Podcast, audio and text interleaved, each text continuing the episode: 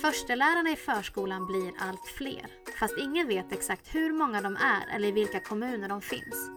För staten har inte satsat så mycket som en krona på att skapa karriärtjänster i förskolan. Men då tänkte jag att jag skulle gärna vilja prata med er om era roller, för ni är ju första förskollärare. Nej, det är vi inte. Vi är förstelärare i förskolan. Jag tror också man såg vilken skillnad det gjorde. Välkommen till Förskolefundror.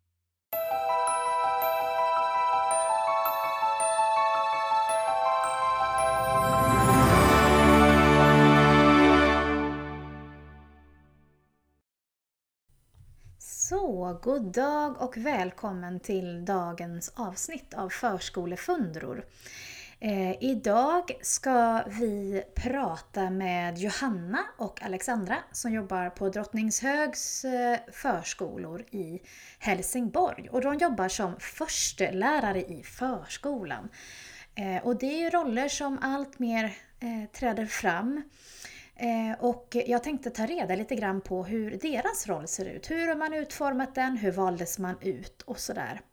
Vi kommer också att få höra eh, lite grann om deras organisation, om inventarien, Sven och lite mer. Men innan vi sätter igång dagens avsnitt så vill jag prata lite grann om varför jag har valt att göra det här avsnittet just idag. Eh, och det handlar egentligen om det här med förstelärarreformen som kom 2013. Eh, förstelärare till skolan. Och man kan ju idag eh, och sen 2013 söka bidrag för att ha de här rollerna i sin organisation. Om man jobbar i förskoleklass och uppåt. Det finns alltså ingen satsning på förskolan för att ha förstelärare. Men tittar man på kraven för att kunna ha förstelärare eller att vara förstelärare eh, och syftet med förstelärarreformen så stämmer den väldigt bra in även på förskolan. Man initierade statsbidraget eh, 2013 för att stärka kompetensförsörjningen inom skolan genom att öka läraryrkets attraktivitet genom bättre villkor samt utvecklings och karriärsmöjligheter. Ja, alltså det här med kompetensförsörjning inom skolan vet vi är ett problem. Men det är också ett väldigt stort problem i förskolan. Vi behöver också inom de närmaste åren rekrytera förskollärare och vi vet att det inte finns tillräckligt. Det är en stor brist. Om då förskolan är första steget i utbildningen, varför har man då inte också inkluderat förskolan? Och om vi ser en ökad brist på förskollärare, varför har man återigen inte inkluderat att kunna satsa på sådana här tjänster för att öka attraktiviteten för yrket? Jag har eh, under våren mejlat några gånger med Anna Ekström som är vår utbildningsminister för att försöka få svar på den här frågan. Varför förskolan inte är inne i satsningen. Och tyvärr har jag inte fått några svar från hennes medarbetare om eh, varför det är så. Eh, de har svarat men det har inte givit någon information eller tankar om varför förskolan inte är med eller varför den ska komma med heller. Inget svar helt enkelt. Så jag googlade runt lite grann och hittade en artikel från tidningen Förskolan 2014. Och där ser man väldigt tydligt, där står det att förskollärarna var inte med i regeringens förstelärarreform när den sjösattes. Men dåvarande utbildningsminister och förskoleminister Maria Arnholm ville ändra på det. Och de fick inte igenom det här förslaget i den budgeten som Alliansen hade lagt. Men man sa också att man skulle utreda saken vidare. Och när en sån här reform skulle vara på plats, det kunde man inte svara på då. Och när man då googlade lite mer så hittade man återigen en artikel 2016 från tidningen Förskolan där man lyfter just de här orden att trenden är tydlig. Förstelärarna i förskolan blir allt fler, fast ingen vet exakt hur många de är eller i vilka kommuner de finns. För staten har inte satsat så mycket som en krona på att skapa karriärtjänster i förskolan. Och eftersom det inte finns någon övergripande satsning finns det inte heller någon med uppdrag att följa frågan. Ändå kan man konstatera att de blir fler. Kommunerna väljer att satsa med egna medel. Och en av de här kommunerna som har satsat på förstelärare, det är Helsingborgs kommun. Så därför tänker jag att nu ska jag släppa in Johanna och Alexandra. för att höra lite mer om hur deras uppdrag ser ut.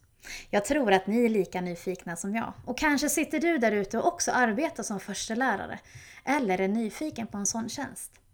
Välkommen till dagens avsnitt av Förskolefundror.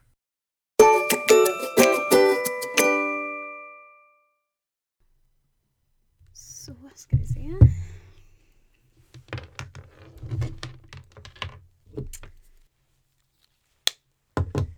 Nu ska vi se här. Nu ska jag så att koppla in mig och lyssna på Johanna. Eh... Hallå, hör du mig? Hej! Hej! Har du satt på din inspelning? Alltså jag är så himla glad att vi klarade detta. Är ni båda två, ni är båda två hos dig Johanna eller? Eh, nej, det är vi inte. Eh, för att eh, när vi ändå skulle sitta i varsitt rum tänkte vi, då Kan vi kan vi lika bra sitta på vår egen kammare. Liksom. Klart. Men jag ska kolla om jag kan bjuda in henne om hon är på plats. Det kanske inte är. Hur stavar hon sitt efternamn? Mellor Bielecki. M-E- M-E-L-L-E-R. Meller. Ja, ja, ja, ja. Eh, ja, och sen Och sen B-I-E. B-E-I. B-I-E. Jaha, okej, okej. Det är dialekten som ställer till det. Ja, ja. och där har jag henne och då kan jag lägga till henne. Lägg Visst är det till. spännande med nya grejer? Ring och titta. Ja, det är jättespännande. Det är så spännande. Herregud, du vet alltså jag har frusit hela morgonen. Så jag har liksom nu tagit på mig raggsockor och stickad tröja. Och sen har jag gått in nu för att få, eftersom mina hundar har lite tourettes så sitter de och skäller jättemycket. Och så har jag gubben hemma, han skulle ju spela golf. Så jag har stängt in mig i min walk-in closet med massa så här gardiner och grejer. Så, här. så jag har värsta studion. Men här inne är det jättevarmt nu. Där är det varmt nu. Men va, han skulle spela golf men det blev inget med det. Eh, nej, det blev inget. Han, eh, det var nog för dåligt väder. Han skulle åka och slå några bollar sa han. Hallå Alexandra! Nu är vi inne alla! Woho! Va, va, är vi inne alla nu? Hej! Hallå! Vad heter det, Alex, sätter du på din eh, inspelning med en gång också? Ja, det är jättespännande. Jag är inte alls nervös för vad vi ska prata om. Det tänker jag, det går bra. Nej men det behöver ni Men, inte. men att lyckas med detta. Om det vi kan och det vi gör. Ja! Och det, alltså jag, har, jag har bara några korta frågor egentligen. Men då tänkte jag att jag skulle gärna vilja prata med er om era roller, för ni är ju första förskollärare. Nej, det är vi inte. Vi är, inte- vi är inte det. Vi är förstelärare i förskolan. Ja, ja, ja, Det är ja. skillnad. Är det, har ni pratat, jag tänker när du säger det så låter det som att det är något ni har diskuterat. Vill ni utveckla lite? Va? Ja, men det är någonting som vi nog har diskuterat som Helsingborgs stad har gjort. Alltså för i Malmö till exempel heter det ju förste förskollärare. Eh, men i Helsingborgs stad har man valt att kalla det förstelärare i förskolan. Eh, och jag, och jag tror att, att eh, man vill liksom man, man vill göra någon, någon skillnad där. Att, att det handlar om att det är eh, en eh, verksamhetsnära karriärsmöjlighet eh, för förskollärare och att man ska ha sin, sin bas. Man måste ju i Helsingborgs stad arbeta minst 50 procent i barngrupp. Och att det ska vara verksamhetsnära och därför vill man välja att att, en, att man är liksom en del av kollegiet eller vad man ska säga. Men jag, men jag tror också det var att Helsingborg var bland de första med de här tjänsterna. Och jag tror, nu tror jag bara, för jag vet inte, eh, att det handlar om, eh, det kom första lärare och det skulle vara en tjänst som kunde vara både mot lärare och förskollärare. Så att det är ju en tjänst som, eh, Eh, som det skulle vara, ja, likvärdigt. Sen har man ju andra uppdrag såklart, för man jobbar ju i skolan och i förskolan. Men jag tror det handlar om att det är en tjänst som ska då vara både för eh, skol, gymnasie och förskola. Mm, mm. Och det tror jag, eh, och då tänker jag, då tror jag också att det hänger ihop lite grann med så här kriterier för att få statsbidrag och för att Eh, att det hänger ihop med hur man har sett på hela uppdraget i... Jag tänker att de här sakerna som ni säger, om man tittar på förordningen för förstelärare så är det vissa av de här sakerna ni säger, 50 procent och, eh, och hur man benämner det och vad undervisningen ska vara och sådär. Det hänger ihop med hur statsbidragen utformades för förstelärare i skolan egentligen. Ja, och det var där som Helsingborgs stad kopplade på, för de gjorde ett statement när, eh, och nu är jag också så dålig på årtal, men 2010 va, blev förskolan en egen skolform. Ja.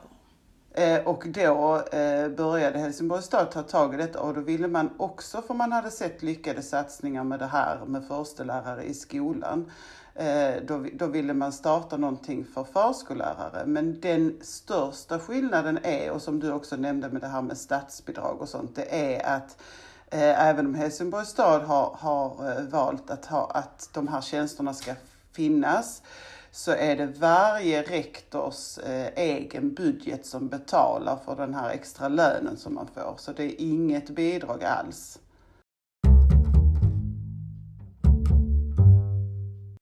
Men innan vi kör igång med det, för vi har ju en personlig relation så därför kan ju vi bara köra igång liksom och köta. Eh, men de som lyssnar på oss här nu, kan inte ni återigen bara så här köra, om Johanna om du börjar, vem är du och var jobbar du och, och lite så, bara lite kort om dig. Eh, ja, eh, då heter jag Johanna Ljungdahl Larsson och jag arbetar som eh, förstelärare i förskolan i Helsingborgs stad på Drottninghögs förskolor och eh, på Kristallens förskola. Och jag arbetar tillsammans med två kollegor och 15 eh, barn som är från ett år till eh, två och ett halvt ungefär nu i vår barngrupp. Ja, och då jobbar du 50% i barngrupp och 50% som lärare? Nej, Nej, jag jobbar 80 eh, i barngrupp, så måndag till torsdag eh, är jag en del av arbetslaget eh, och är tillsammans med min barngrupp och kollegor. Och 20% alltså 8 timmar på fredagen har jag avsatt till förstelärartid. Eh, du då Alex, vad gör, vad, berätta lite om dig. Eh, ja, jag heter då Alexandra Meller Bielecki och eh, jag arbetar som eh, förskollärare på 80% och 20% har jag försteläraruppdraget. Och jag har jobbat på Drottninghögs förskolor sedan 2015 augusti och just nu arbetar jag med de yngsta barnen på avdelning Saturnus på Diamantens förskola. Eh, och eh, mitt första läraruppdrag eh, varierar men just nu har jag främst uppdrag kring kollegialt lärande och studenter som kommer från högskolan. Hur många, men ni är ju två stycken, men ni är ju flera vet jag ju. Hur många är ni totalt? Första lärare. Ja. Eh, då är vi totalt tre stycken. Vi har en kollega Sven Stedt också som också är första lärare i förskolan hos oss. Mm. Var ni inte fyra eller är det jag som minns fel?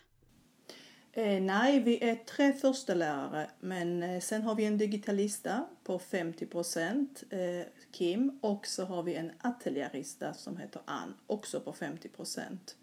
Och eh, vi ingår i då ledningsgruppen eh, tillsammans. Vi träffas varje fredag och eh, diskutera utvecklingsfrågor, ledningsfrågor, organisationsfrågor. Ja.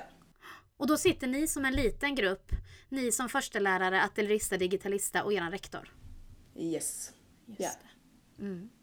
Och ni började, du sa eh, Alex, du sa att ni, du började 2015. Gick, ja. du, gick du direkt in som förstelärare då? Eh, ja, jag sökte förstelärartjänsten eh, Sen har jag jobbat på en privat eh, förskola innan. Men eh, så det var ju helt ny förskola för mig och en ny tjänst som jag sökte då. Mm. Och du Johanna, när gick du in på din eh, tjänst? Ja, jag, jag tog en liten annorlunda väg för att jag, jag blev eh, jag blev headhuntad. Eh, Helen, eh, vår rektor, hon eh, ringde till mig för att jag jobbade kvar då på den där privata förskolan där vi jobbade tillsammans, jag och Alex. Eh, och eh, jag fick komma ju hon gav sig inte Helen, så att jag fick ju komma dit och, och på en intervju och då blev jag anställd som förskollärare. Men hon visste vad jag ville och vilket driv jag hade och vilka mål jag hade. Eh, men just då fanns det inte utrymme eh, för en förstelärare till. Eh, så att jag jobbade från 2016 i januari, tror jag att jag kom va? Eller 2015 i januari. Jag jobbade i alla fall en termin innan jag sen fick söka tjänsten som förstelärare i förskolan och då hade alla eh, det var en intern rekrytering, så då hade alla på Drottninghögs förskolor möjlighet att söka den tjänsten. Eh, och på den vägen kom jag in då. Och eran mm. kollega Sven då, som jag också känner lite grann. Eh, när, när, har han, hade han också jobbat på Drottninghög ganska länge också eller var han också ny, nyrekryterad? Nej, han hade jobbat på Drottninghög länge och eh, mm. sökte då tjänsten inom, jättelänge, inom eh, jättelänge. Då, sin nuvarande tjänst som blev tillägg till hans tjänst. Vad roligt! Det måste vara kul också att ni är tre stycken. Ni måste ha en bra styrka i att ni är tre stycken i samma enhet och med samma uppdrag. Liksom. Det, det, är vår största styrka skulle jag vilja säga, att vi, att vi inte driver saker helt ensamma utan att vi har liksom en kraft i att kunna mötas och, och kunna diskutera och vända och vrida och bråka lite grann om olika saker och processer och och så. Eh, det, det är jätteskönt och vi har också stöd i, varann, alltså i varandra eh, som bara vi tre som förstelärare i förskolan att vi kan, kan mötas bara vi för att sen ta vidare uppåt eller neråt eller ja. Men om jag ska koppla på där så, så tycker jag det har varit en vinst att träffas och diskutera speciellt i, i början när vi var nya för då var ju uppdraget nytt för oss också. Så där kunde vi eh, nätverka tillsammans och, och kunna hjälpa varandra i att vad, vad innebär det, hur gör vi? Alltså vi var ju nya. Sen ingick vi också i i hela staden. Eh, det var ju kollegor som var förstelärare som ingick. Eh, vi var en grupp, vi träffades ofta och vi diskuterade, reflekterade, jämförde. Hur kunde vi hjälpa varandra? Så, så det var också en, en vinst i, i det. Att, eh, är den, den är inte kvar den gruppen? Det lät som att det var något som, ni, som var men inte är kvar längre, eller? Det är inte kvar, nej. Det är, tankarna finns att den ska fortsätta men eh, just nu är den, är den inte aktuell. Den, den ligger lite vilande just nu, ja det här nätverket. Men vi är ju många som har kontakt med varandra i alla fall. För att Helsingborg är en stor stad men förskolevärlden är ändå ganska liten. Vi, vi möts ju Eh, Eh, i olika sammanhang och vi har kontakt med varandra. Och det, och det är många också som hör av sig. Åh, hur gör ni med detta? Eller kan vi mötas kring det här? Och så. Då, då kan vi ju utifrån intresse och behov och, och tid eh, kan vi ju styra upp eh, någonting där vi hjälps åt. Och den kulturen har vi lite i Helsingborgs stad, vilket är härligt ju. Men hur är de, när ni säger att det finns fler, så det är flera förskolor som har liknande i Helsingborgs stad som också har försteläraruppdrag inom förskolan då? Ja, ja det finns eh, eh, från början, när, när man lanserade de här tjänsterna så skulle det vara bara fyra. Men intresset var så stort, både från då, eh, förskollärare som sökte, men också från rektorers håll, att intresset var stort, att man ville ha en förstelärare. Jag tror också man såg vilken skillnad det gjorde eh, i verksamheter vad förstelärare bidrog till eh, och eh, så tror jag att många fler rektorer blev jaha, det vill vi också ha såklart. Så att, eh, sen är det ju lite så med de här tjänsterna att man får behålla de duktiga pedagoger som kanske är sugna på lite nya utmaningar. Eh, många förr blev kanske skolledare medan nu kunde man, jaha, men då kan man kanske vara göra karriär inom vår tjänst och så. Så att eh, jag tror det blev så att man eh, såg vinsten. Ett sätt att behålla kompetensen i verksamheten, ja. Ja. Men de första tjänsterna, när ni sa att det visades intresse och först var det fyra tjänster. Var det så att de första fyra tjänsterna finansierades centralt från Helsingborgs stad då, i början? Nej. Nej, utan det låg fortfarande på enskild rektor. Det är så här att i Helsingborgs stad har vi fyra stycken verksamhetsområden. Eh, ett, två, tre, fyra. Och jag tror det var så att det skulle vara en förstelärare i varje verksamhetsområde. Var det inte så Johanna? Jo, det kan nog stämma.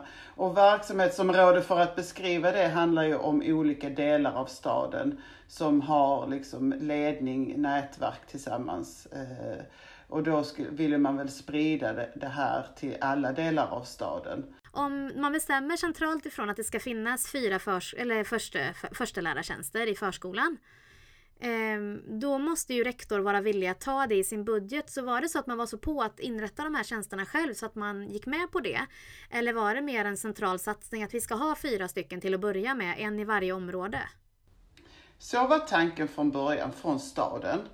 Och sen så, jag, jag kan inte redogöra för exakt hur det var, om det var eh, rektorerna som som liksom anmälde sitt intresse för att ha en sån tjänst eller så. Men det var så här, och det kan väl du berätta om lite mer Alex, för jag var ju inte förstelärare i förskolan då. Men det fanns, eh, alltså man skapade i staden en processutbildning eh, och som sen blev en bok kring barns eh, eh, lärande. Och så, där alla förstelärare då, och då var man nog nio deltog i den utbildningen och den var kopplad till Malmö högskola, nu eh, Malmö universitet.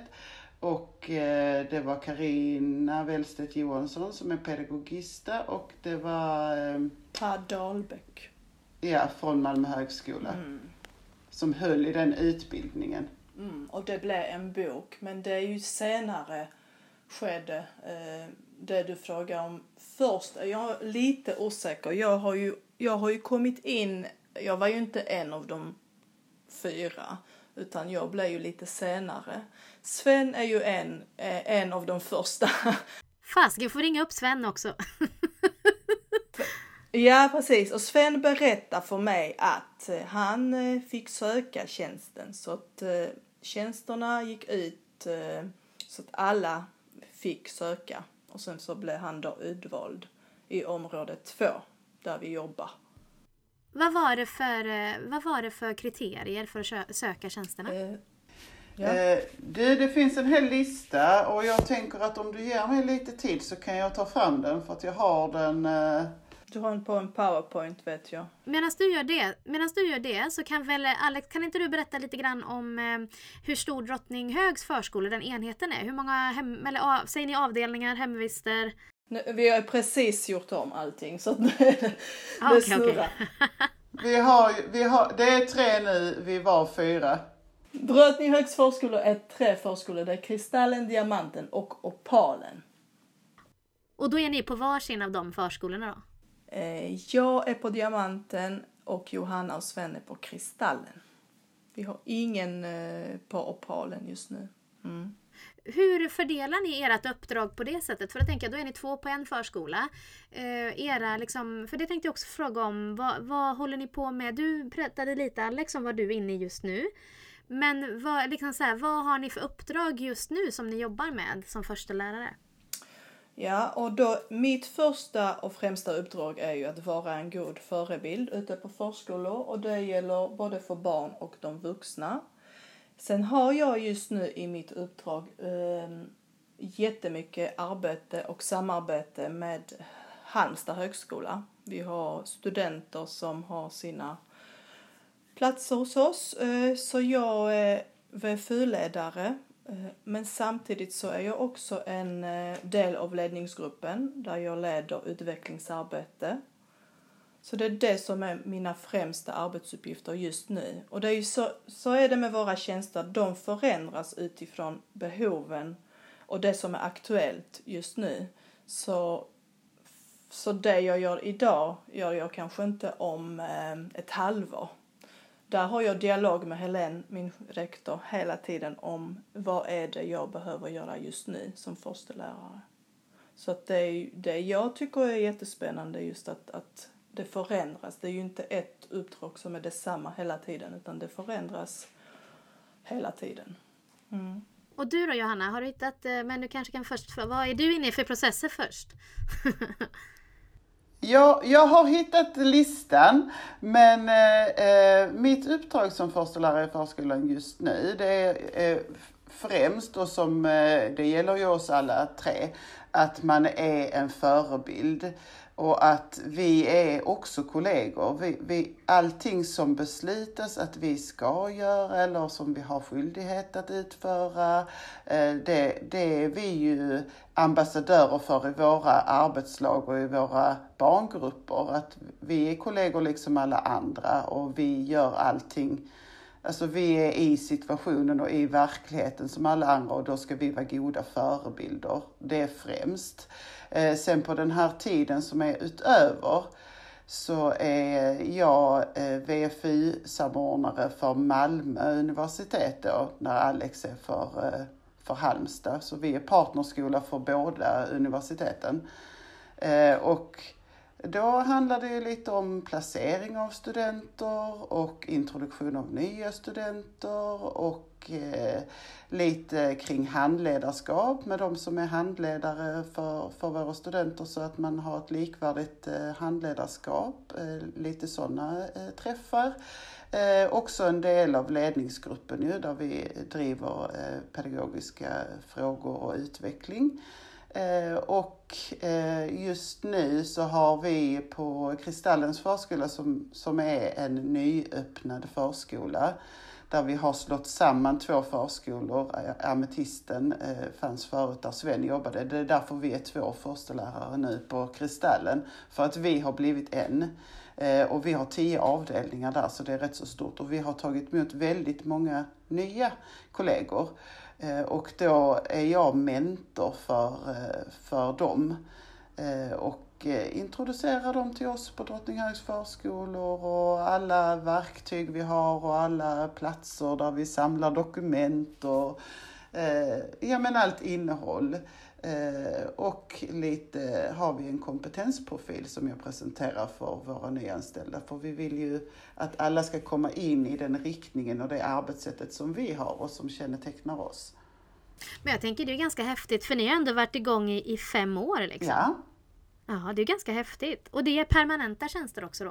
Eh, det är permanenta tjänster och förut var det så att om du, om du sökte ett annat jobb inom staden eh, så fick du ju behålla din, din lön eh, även om du inte fick en förstelärartjänst. Men det har man tagit bort för något år sedan. Så att nu är din, ditt påslag då, det är kopplat till eh, din tjänst. Så skulle jag söka ett annat arbete inom staden som förskollärare så skulle jag förlora den delen. Får man lov att fråga hur mycket pålägg ni har fått? Ja, det, det får man fråga. Är 5 000 kronor. Löneökning på 5 000 kronor är det.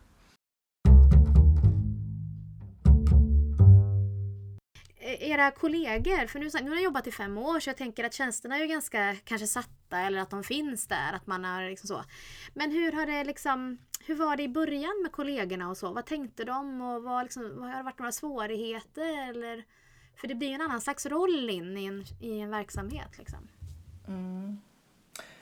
Ja, ja, vi har diskuterat väldigt mycket kring detta. Dels jag och Sven, för att jag, jag, jag och Sven var ju bara två när jag kom. Um, och det Sven kände, Sven kände att han var en del av Drottninghög och sen blev han då förstelärare. Jag kände när jag kom in att eh, jag kom utifrån. Eh, ingen kände mig. Eh, jag tyckte det var lätt för mig att komma in. För min tjänst blev förstelärare i förskolan. Jag var inte förskollärare på Drottninghög utan Just jag kom det. utifrån. Det är det här med mandatet in i en verksamhet. Ja.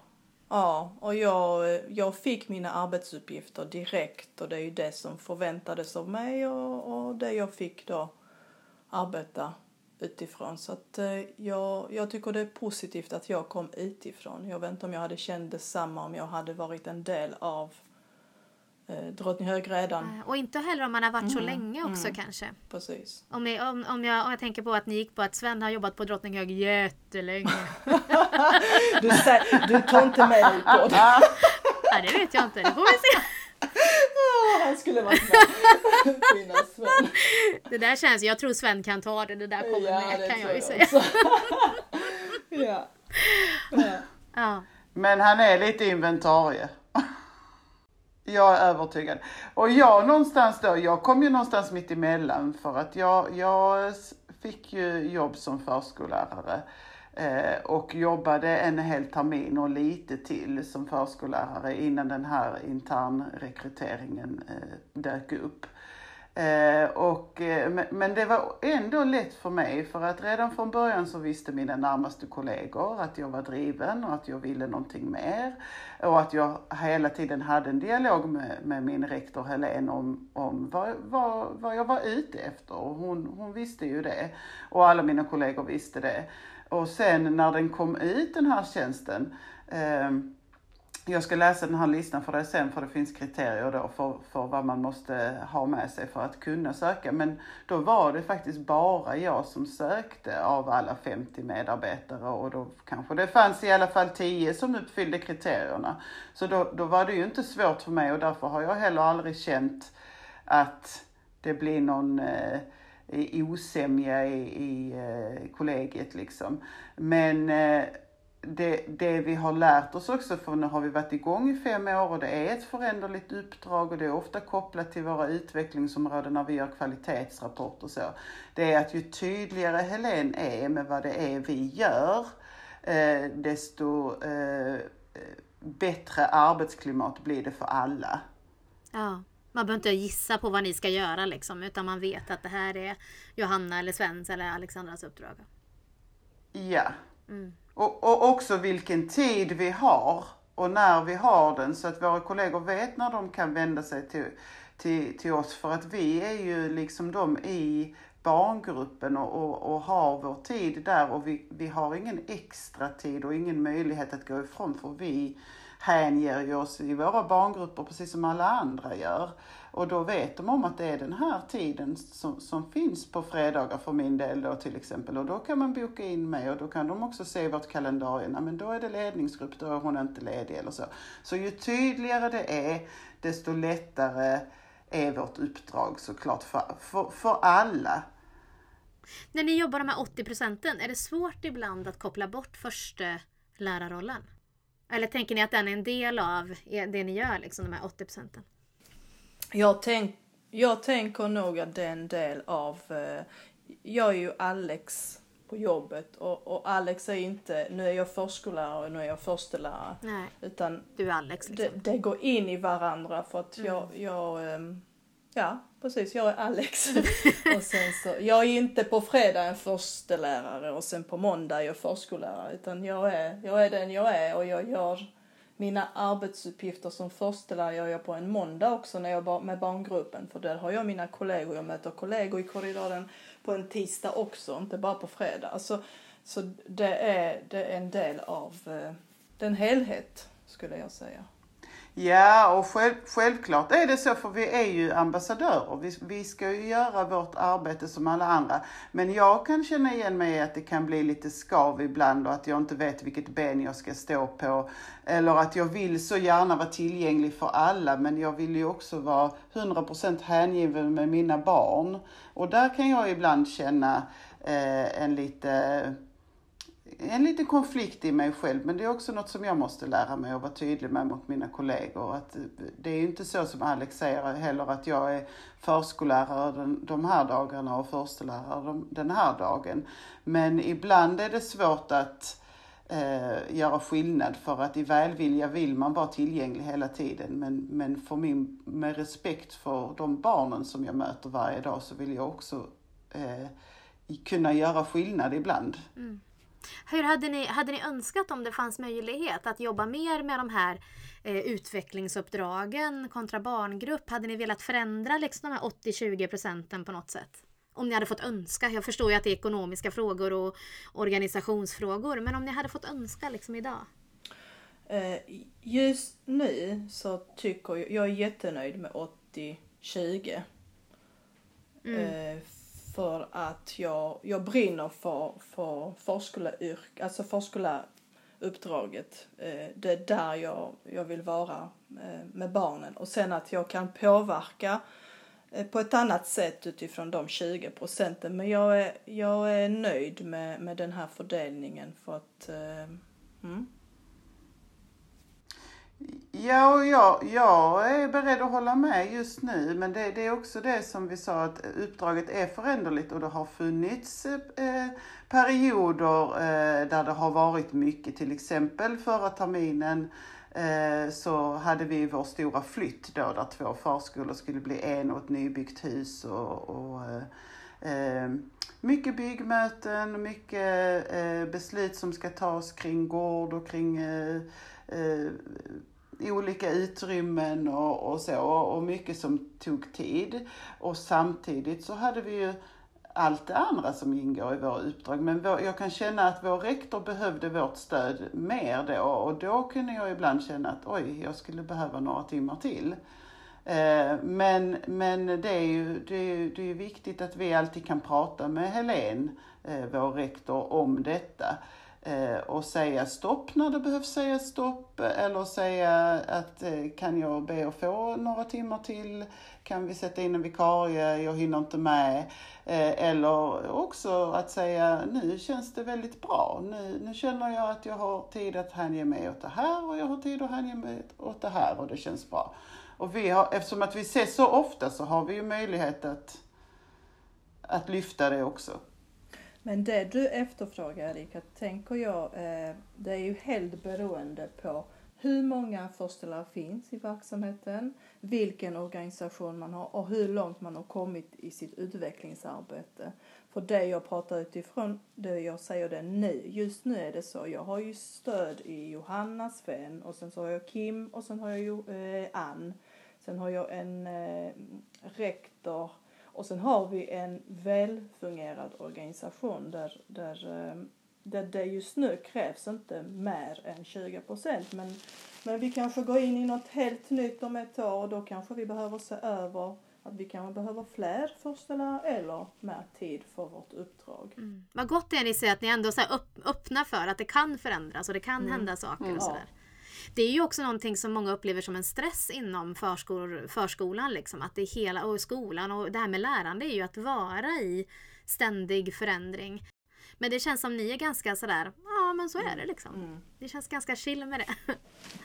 Ja, men så, är, så har det alltid varit hos oss. Och det, det är ju någonstans, det är så vi arbetar. Så det, det, vi vet ju inte vad som händer om ett halv, förskolan förändras ju, tänk så mycket som har hänt på tio år. Det, så vi måste vara beredda på förändring och vi kan inte vara rädda för den och absolut inte, nej nu gör vi så som vi alltid har gjort. Det, funkar inte idag utan vi måste, ja, vi måste. Nu kommer Helene skratta åt oss Helene om, eh, eller Alex om hon hör det här. Helene kommer tycka detta är väldigt roligt. och då hade ni pratat om någonting om det här igår eller vadå?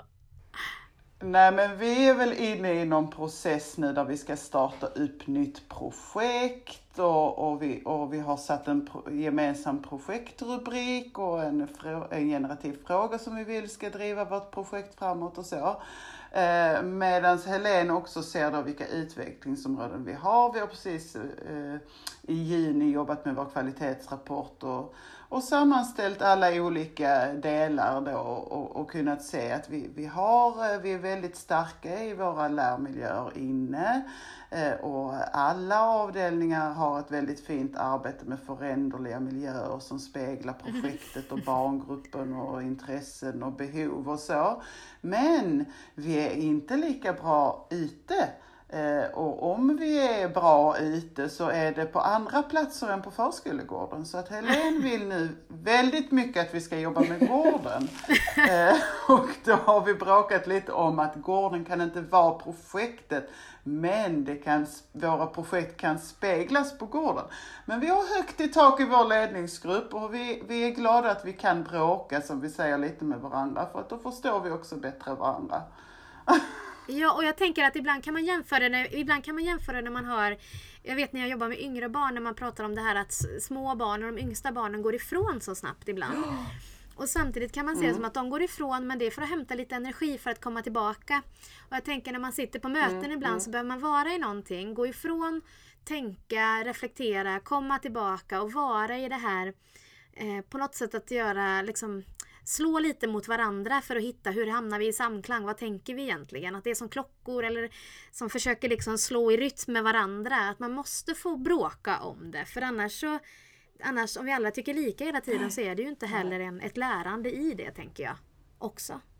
Ja, då kommer vi ju då kommer vi ingenstans. Nej. Och det, och det är väl en styrka i ledningsgruppen att vi vågar vända och vrida eh, på olika tankar och idéer och, och se det från olika perspektiv och vågar lyfta eh, våra eh, tveksamheter eller rädslor eller eh, eh missförstånd med varandra så att vi faktiskt kan eh, enas så att vi sen kan gå ut och driva i utvecklingsgruppen till exempel eller tillsammans med kollegor i arbetslagen. För vi, då har vi tänkt färdigt. Men det känns också, jag tänker, jag känner ju Helene också, men eh, det känns också som att det krävs en diplomatisk chef som inte har så mycket prestige utan som också kan lyssna in och tänka igen. Eh, att man är en ledare, kanske att man är verkligen en ledare i de mötena och inte en chef-chef i det liksom. Hänger ni med på vad jag mm, försöker mm, komma mm, åt? Absolut, ja. Sen är ju Helens styrka att hon har väldigt tydliga visioner och mål. Eh, men väldigt stor tillit till eh, våra kompetenser. Då menar inte bara förstelärare, digitalister och ledningsgruppen utan alla. Alla som arbetar på Drottninghögs förskolor har, eh, har väldigt eh... Helena har stor tillit till alla ja. Och att alla gör sitt bästa och alla vill väl. Eh, och sen så vill hon ge oss så mycket verktyg som möjligt för att kunna utföra vårt uppdrag på bästa sätt och utifrån de mål och, och eh, ja, prioriterade mål och utvecklingsområden som vi har. Ja. Och det handlar ju om också det här som gör med barnen hela tiden. alltså det är ju den här tilliten till att barnen gör det bästa de kan. De vill ja. det bästa liksom någonstans ja. också. Och även om du har ett eh, tydligt syfte och jättetydlig undervisning så behöver du backa för nej det är inte alls och sen ta en ny väg för att gå vidare. Så precis det hon gör med oss också.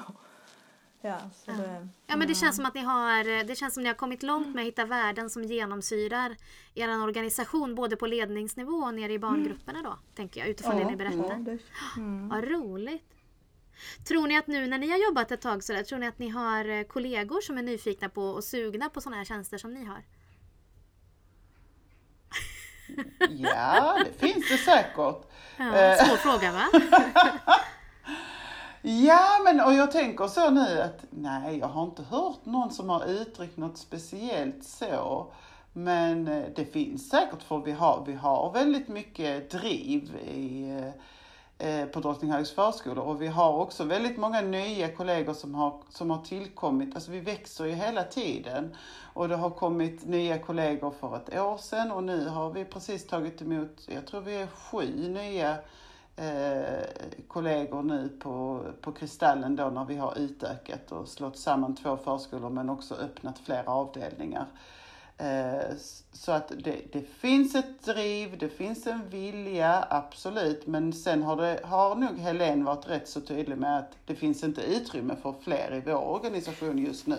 Nej, och det är väl det jag känner lite Erika, precis som du nämner i början att, att det är ju ingen som kan ge dig svar varför. Så att jag kan tycka att det satsas inte lika mycket på förskola som skola för vi är ju granne med Drottninghögskolan och där, där hör man ju hela tiden och man ser tjänster ute, de söker ju förstelärare medan förskolan har inte detsamma eh, Ja, på något sätt så känner jag att det satsas inte lika mycket på oss som jobbar i förskola som på skola. Och det skulle jag vilja veta varför och eh, ja, så. så att, eh, mm Eh, om man tittar på kriterierna så handlar det om att skapa karriärtjänster, att öka att eh, yrket ska vara attraktivt, att det ska gynna kvaliteten och resultaten och alltihopa. Och jag tänker, i vilken värld gäller inte det också i förskolan och varför har man satt statsbidraget från förskoleklass? För det vi pratar om är också likvärdighet. Och då om man söker, då kan man söka antingen bidrag för förstelärare, som jag har fattat det då när jag har läst, att antingen som en vanlig förstelärare för att utveckla kvalitet och undervisning. Eller så söker man om man till exempel arbetar i ett socioekonomiskt utsatt område så kan man söka det eh, också då förstelärare och de får ju 10 000 kronor mer i lön i månaden. Men jag tänker att vi har ju, vi har ju socioekonomiskt utsatta områden i förskolan också där vi kämpar med stora svårigheter med, med, med språk, med familjesituationer, med att få personal eh, och, och alltså massa olika saker som jag tror. Drottninghögs förskolor är ju ett sånt område. Ja. Och det är också svårt tänker jag. Nu har ju ni också en, en, ganska etablerad organisation och då tänker jag att det är lite lättare att rekrytera personal.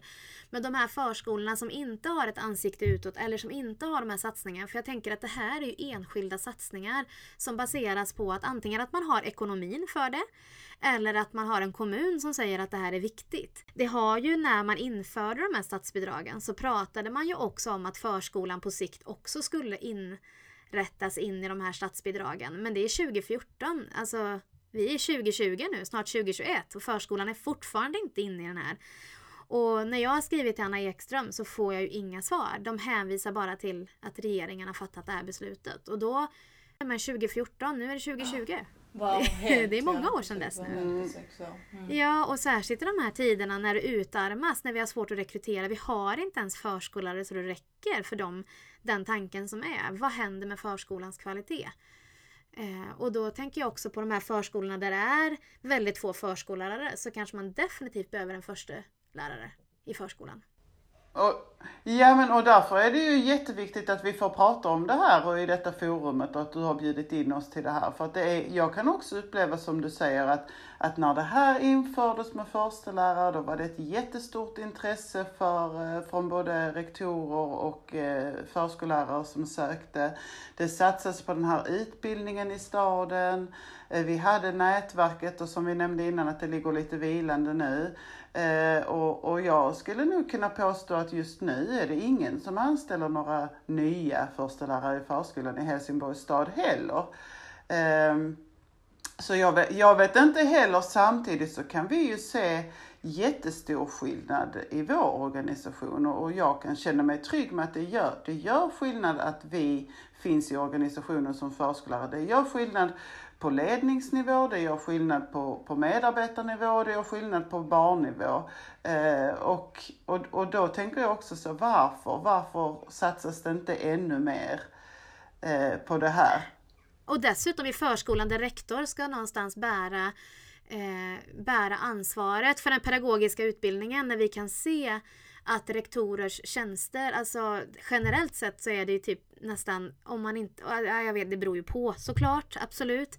Men jag tänker att det är så stor del av deras jobb som är administrativt och sköta rehab och eh, ekonomi och scheman och praktiska saker. Som gör att pedagogiken får ju ingen plats. Då behöver man ju de här tjänsterna för att stötta upp det pedagogiska ledarskapet. Och där tror jag att vi har tagit eh, rätt så stor, stort eh, utrymme till pedagogiska frågor. Att Helene hon, hon, lägger, hon lägger mycket av sin tid som rektor på att utveckla det pedagogiska arbetet och att, att vi inte stannar upp och att vi hela tiden eh, att vi inte nöjer oss utan vi vet att vi är bra på det här men nu har vi det här som vi måste utveckla och att vi fortsätter. Hon, hon lägger mycket energi på det och det är vi jättetacksamma för. Eh, och ni blir ju hennes stöd utåt också. Det är det här vi ska ja. jobba med. Ja. Och lite som du sa, sa innan det här också med att vara förebild utåt och vi är en väl eh, organisation och så. Det, det är också mycket vår förtjänst att vi har, har ett ansikte utåt. Även Helene och även eh, kollegor såklart. Men att vi, vi är där det händer. Vi deltar i konferenser och vi har våra gröna skjortor. Alla vet vem vi är. Vi har vårt Instagram och vi, alltså, och, och, och folk söker jobb hos oss därför de har sett oss i olika forum och där händer det grejer, där är de på, och där vill man mycket. Så att det gör ju skillnad. Eh, hörni, jag tänker att vi ska ta de här kriterierna för att söka tjänst. Ja, Eh, jag har en lista. Och jag tänker så. Eh, nej, den är inte jättelång, men jag tänker att jag kan ju bara läsa upp det och så kan du välja fritt russinen och kakan sen när du klipper kanske ta med alla. Du kan ta med alla. Ja. Eh, men eh, då står det så här. Eh, detta är från en presentation som vi har haft när vi har pratat i staden kring förstelärare i förskolan. Och då står det så här att det är fritt för varje rektor att tillsammans med sina förstelärare i förskolan utforma uppdraget utifrån verksamhetens behov. Eftersom tjänsterna är praktiknära är det av stor vikt att vi fortsätter undervisa minst 50% i barngrupp. En av de genomgående tankarna med förstelärare i förskolan är att särskilt skickliga och kompetenta lärare får en möjlighet att höja sig, utvecklas och gå vidare i sin yrkesroll samtidigt som kompetensen tas tillvara i personalgruppen men framförallt i barngruppen. Syftet är att kvaliteten för barnen ska öka. Hur mycket tid som avsätts för uppdraget varierar och så även uppdragsbeskrivningarna. Men sen har jag då eh, det finns eh, krav för att när, när man sökte till förstelärartjänsten eh, så finns det krav som säger så här att eh, om du söker en förstelärartjänst ska du ha ett tydligt och medvetet ledarskap som vi, som vi utformar i en öppen och trygg lärandemiljö.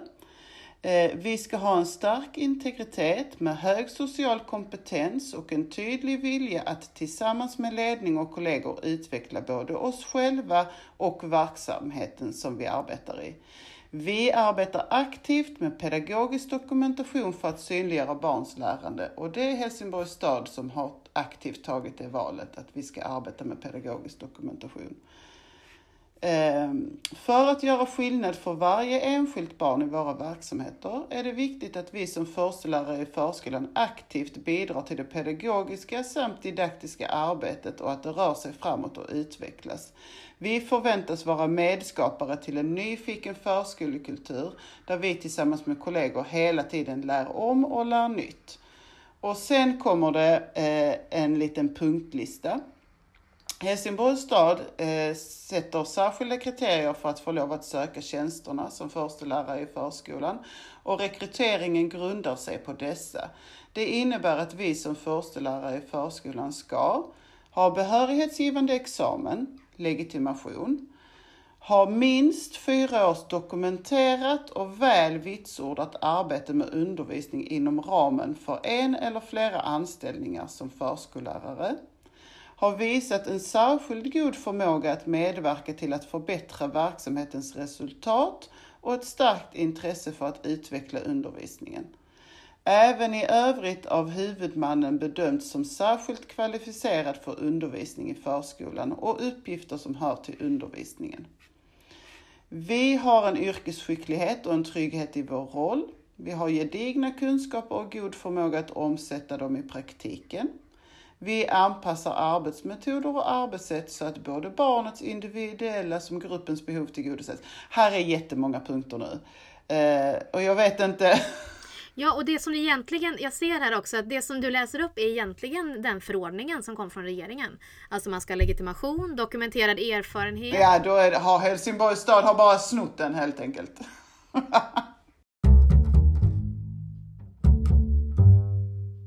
Vad tänker ni är eran så här, eh, om vi skulle eh, tänka framåt, vad tror ni är eran största utmaning det kommande året? vi ska ju börja Magister. Jag skulle precis säga, vi ska ju börja läsa på avancerad nivå på Göteborgs universitet. Så att det är väl en stor utmaning. Ska ni börja plugga? Ja, vi ska börja plugga, ja. På, I, I Göteborg? Eh, master i pedagogik eller någonting eller? Japp. Ja. Och då gör ni det alla tre eller är det bara? Nej, det är jag och Johanna som gör det och eh, vi ja. får eh, tid eh, att göra det på arbetstid. Eh, just nu är det digitalt på grund av Corona och det är kvällstid så det påverkar inte vårt arbete jättemycket mer än ehm, det här med inläsningstid och lite så här men eh, Mm, så vi får se hur det kommer att bli sen men just nu är det, det, det, det mest digitalt och kvällstid. Och där har vi ju stort stöd av, av Helene som, som stöttar oss i detta och, och vill såklart också att vi ska växa och utvecklas eh, vidare. Eh, och att, att hon också stöttar, som Alex sa, att vi får inläsningstid och att vi eh, har fått lite litteratur i alla fall nu till att börja med. Och, och, så. och sen så bygger ju den här utbildningen på aktionsforskning så att vi kommer, det kommer ju att kopplas till vårt arbete eh, i förskolan. Och, och då kommer det förhoppningsvis att, att göra skillnad också ju.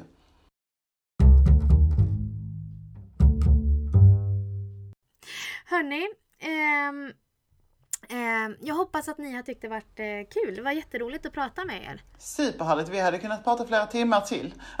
Ja, jag vet. Det är det som är så svårt. Man måste liksom avrunda för det börjar närma sig en timma så behöver man säga nu. Men eh, bra jobbat Johanna. Vi brukar prata i mun på varandra men vi har klarat det rätt Och det är också så att de som inte känner oss orkar inte lyssna. Jag har varit tyst. Ja, tills, tills nu. Det är därför det är så bra att ni sitter med, tre olika, med två ord på två olika ställen för då kan jag klippa bort den ena när den andra pratar.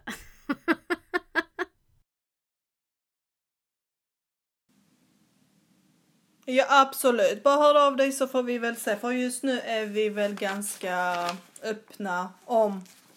Nej, det, nej. men vi, vi har börjat, eh, inte ta emot, men eh, studenter börjar återkomma och lite så. Så att det bara blir lite, lite som vanligt. men även om man ska... Så att eh, det bara hör av dig. Ja, Men toppen. Ja, Bra ni, hälsa, hälsa Helen, Det hälsa ska vi, det Sven. vi göra. Eh, Och tack för att ni tog lite tid på er lördag. Nu får ni fortsätta och, och pilla naveln och kolla på TV. Ut och springa. Ut och spela. Ni är ju såna hurtigbullar ni två. Ja. ja, det minns du väl från Italien va? Sex Jajamensan. på morgonen. Åh, Med smoothiesarna på rummet och... Ja, energi har ni ju så att det räcker. Det hör Ja, jag. Ja. Mm. Ja. Ut och spring Ja. med er då. Jag ska i alla fall bara sätta mig och ta det lugnt. Det är bra det med. Ja, Ja. ja, precis. Ta hand ja. om er hörni. Det är Ha det bra gott. Ja, detsamma. Tusen tack. Ha det bra. Hej. Hej, hej. Detsamma. Tusen tack. Hej då.